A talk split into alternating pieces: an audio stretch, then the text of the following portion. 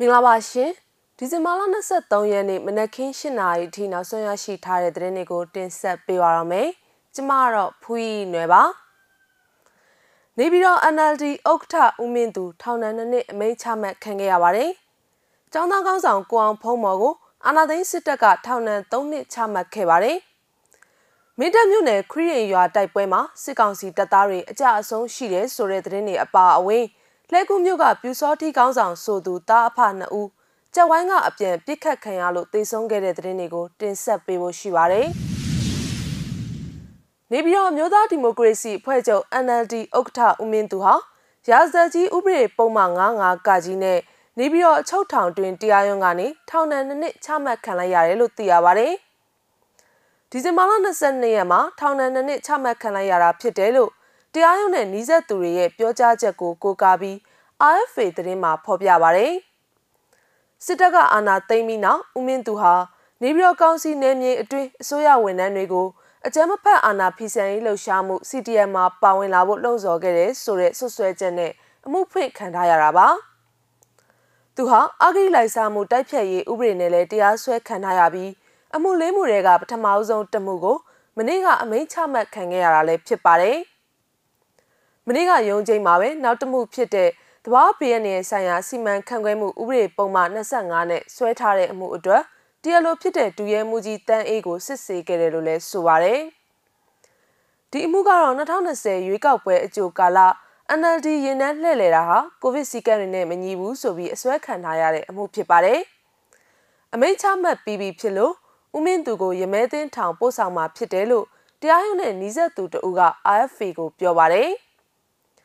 ရာသကြီးဥပဒေပုံမှန်95ကကြီးဟာပြောင်စုအစိုးရရဲ့ကြီးရည်လေတက်ကအရာရှိဒါမှမဟုတ်တက်သားကိုပုံကန်လာအောင်တာဝန်ဝတရားကိုမလေးစားပြက်ကွက်လာအောင်ပြုလုပ်မှုအတွက်ပြဋ္ဌာန်းထားတဲ့ပုံမှားဖြစ်ပြီးမူလကအမြင့်ဆုံးထောင်ဒဏ်2နှစ်အထိချမှတ်နိုင်တာဖြစ်ပါတယ်။ဒါပေမဲ့ဆီယနာသိမ်းပြီးတဲ့နောက်စစ်ကောင်စီကအဲ့ဒီပုံမှားကိုထောင်ဒဏ်3နှစ်အထိတိုးမြင့်ပြင်ဆင်ထားပါတယ်။ရန်ကုန်တက္ကသိုလ်ကျောင်းသားများတက်မကဘိုးအလုံးမှုဆောင်ကိုအောင်ဖုံးမော်ကို နိုင်ငံတော်အကြီးအကျယ်ပြည့်စင်မှုပုံမှန်95ကကြီးနဲ့လှိုင်သာယာအနောက်မြို့နယ်အထူးတရားရုံးကနေဒီဇင်ဘာလ22ရက်မှာအလုတ်ကျန်းနဲ့ထောင်ဒဏ်3နှစ်ချမှတ်လိုက်ပါတယ်။ကိုအောင်ဖုံးမော်ဟာမတ်လ3ရက်နေ့ကတာမွေမြို့နယ်မှာပြုလုပ်တဲ့ဆီယနာရှင်စန့်ကျင်ရေးတပိတ်စစ်ကြောင်းတစ်ခုမှာဖမ်းဆီးခံခဲ့ရတာဖြစ်ပြီးအဲ့ဒီတပိတ်စစ်ကြောင်းမှာကိုအောင်ဖုံးမော်အပါအဝင်ចောင်းသားကောင်းဆောင်9ဦးဖမ်းဆီးခံခဲ့ရတာဖြစ်ပါတယ်။စစ်ကောင်စီတပ်နဲ့ချင်းကာကွယ်တပ်ဖွဲ့မင်းတပ်တို့ မင်းတပ်မြို့နယ်ခရီးရင်ရွာမှာဒီဇင်ဘာလ22ရက်နေ့လယ်2နာရီဝန်းကျင်ကတိုက်ပွဲဖြစ်ပွားခဲ့ရမှာစစ်ကောင်စီတပ်သားတွေအကြအဆုံးရှိတယ်လို့ချင်းကောက်ွယ်တပ်ဖွဲ့မင်းတပ်ပြန်ကြားရေးတာဝန်ခံကိုရောမန်ကပြောပါရယ်ဝမတူးရွာကနေဆင်းလာတဲ့စစ်ကောင်စီနဲ့တနအီနီးပါးတိုက်ပွဲဖြစ်တာပါစစ်ကောင်စီတပ်သား3ယောက်ကြာပြီး9ယောက်တန်ရာရတယ်လို့မြင်းမြင်းရှိတဲ့သူကပြောပါရယ်ဒီဇင်ဘာလ22ရက်ကဖြစ်တဲ့လှီယုံရွာမှာတော့တိုက်ပွဲမဖြစ်တော့ပါဘူး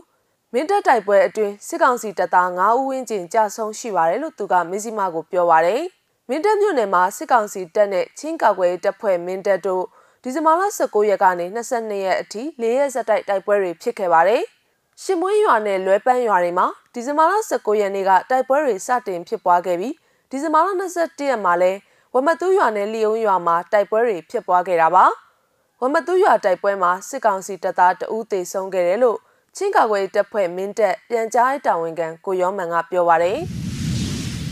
ရန်ကုန်တိုင်းလဲခုမြို့နယ်မှာပြူစောထီကောင်းဆောင်ဆိုသူဦးအောင်ကြည်သိန်းခေါ်စောဖို့ခွာနဲ့သူ့ရဲ့သားဖြစ်သူငရဲခေါ်ကိုစော်လင်းဦးတို့ကြက်ဝိုင်းကနေဆိုင်ကယ်နဲ့ပြန်လာချိန်တနက်နဲ့ပြစ်ခတ်ခံရလို့တေဆုံးသွားတယ်လို့မြို့ကန်တွေထံကနေသိရပါဗျ